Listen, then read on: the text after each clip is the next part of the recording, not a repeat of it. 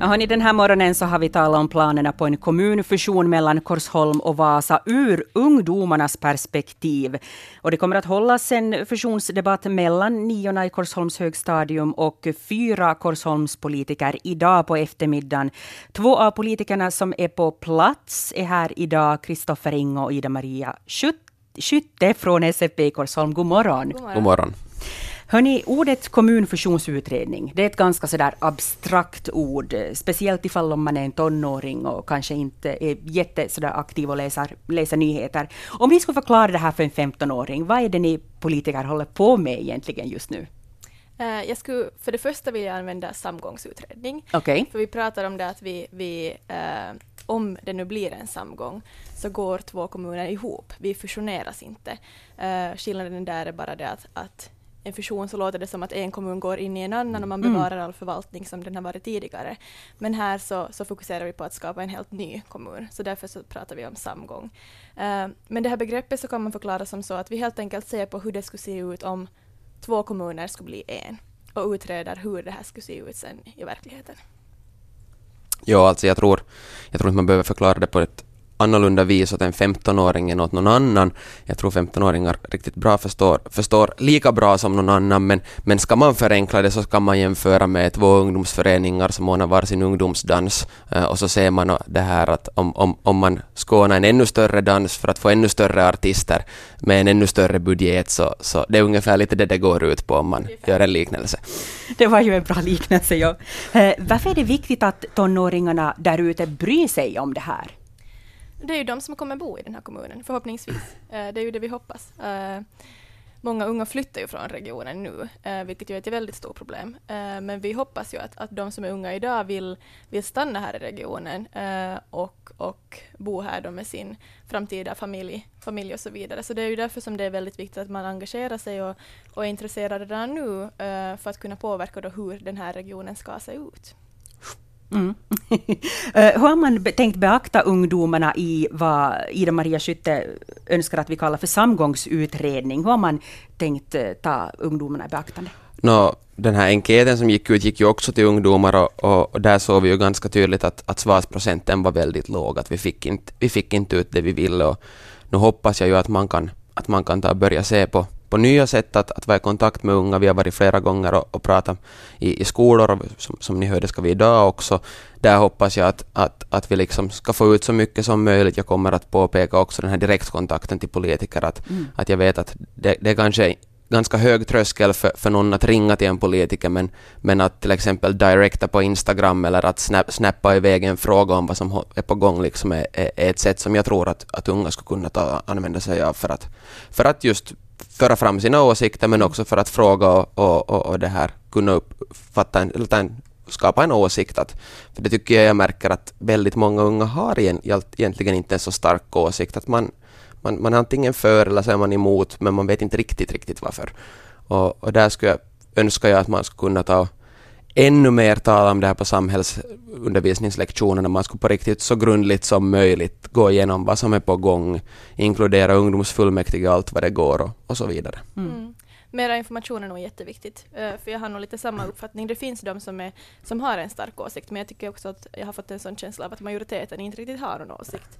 Uh, och det är också helt okej okay förstås, men att, att man i alla fall skulle få mera information och kunna bilda sig en egen åsikt. Mm. Sen det här med sociala medier tror jag att, att vi har liksom nytta av om vi skulle använda ännu mera. Uh, och sen någonting som man också kan göra är, förstås skuggval, mm. att man ordnar skuggval i, i skolorna. Uh, för det är ju någonting som, som man brukar göra då det är kommunalval eller, mm. eller uh, riksdagsval eller andra val på, på liksom, mm. I skolorna då. Mm. Uh, och det här är någonting som man absolut skulle kunna göra om man, om man till exempel ordnar en, en folkomröstning som det ser ut att, att bli av nu, så skulle man kunna ha ett, ett skuggval då också i skolorna. Mm. Uh, det är ju väldigt många människor som är, som är väldigt engagerade i den här frågan och har mycket åsikter. Hänger det ihop lite vad en ungdom har för, för tankar och åsikter, eller, eller hur medveten man är, uh, beroende på hur medveten och aktiv ens förälder är? Hänger det ihop någonting där? Har ni märkt? Säkert hänger köksbordsdiskussioner ihop med hur medveten någon är.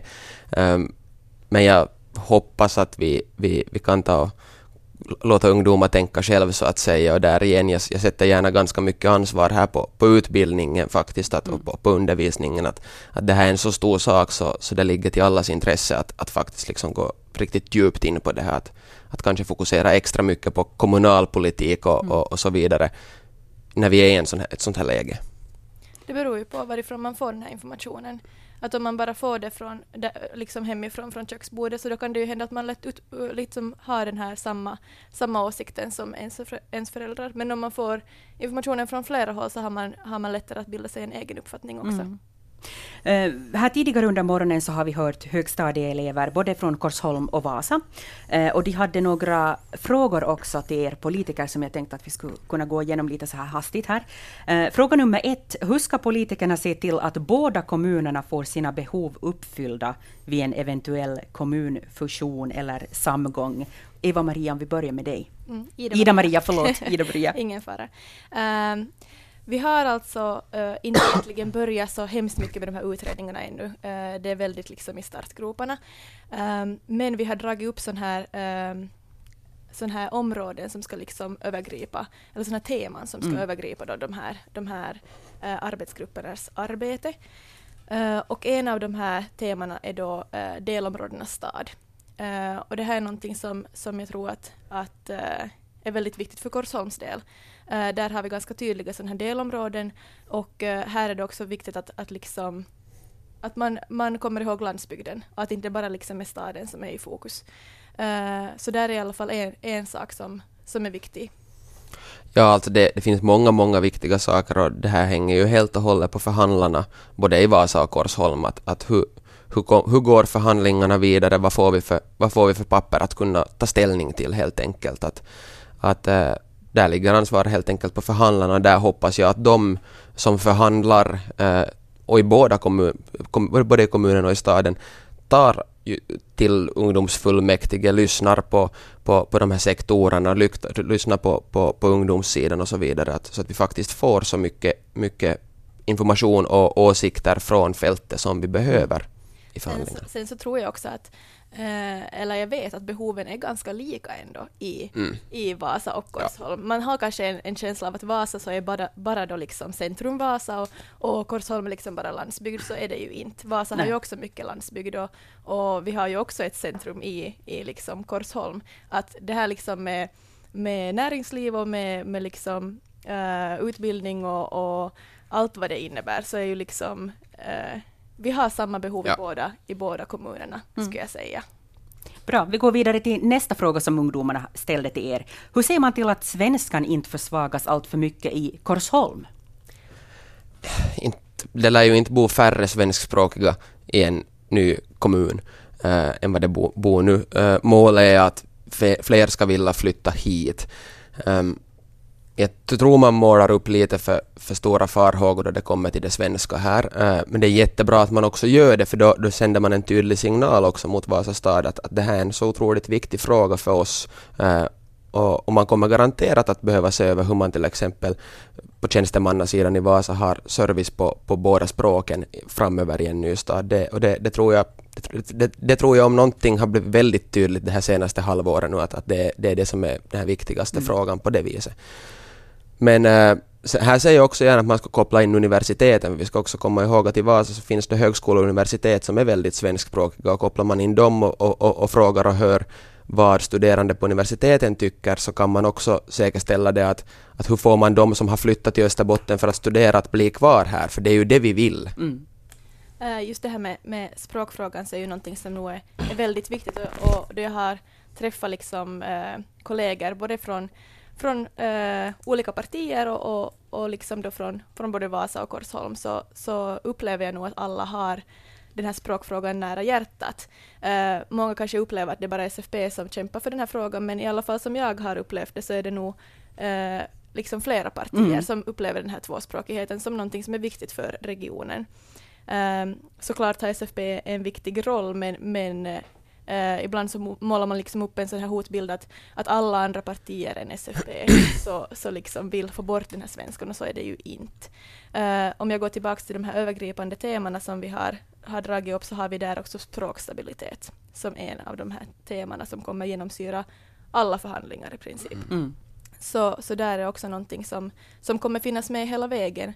Och där har vi valt ordet språkstabilitet för att det säger mera än en fungerande tvåspråkighet. Mm. Att vi vill ha de här språknivåerna stabila eh, över tid. Det ska inte bara liksom vara en, en fungerande tvåspråkighet utan vi ska se till att, att svenskan helt enkelt inte minskar. Mm.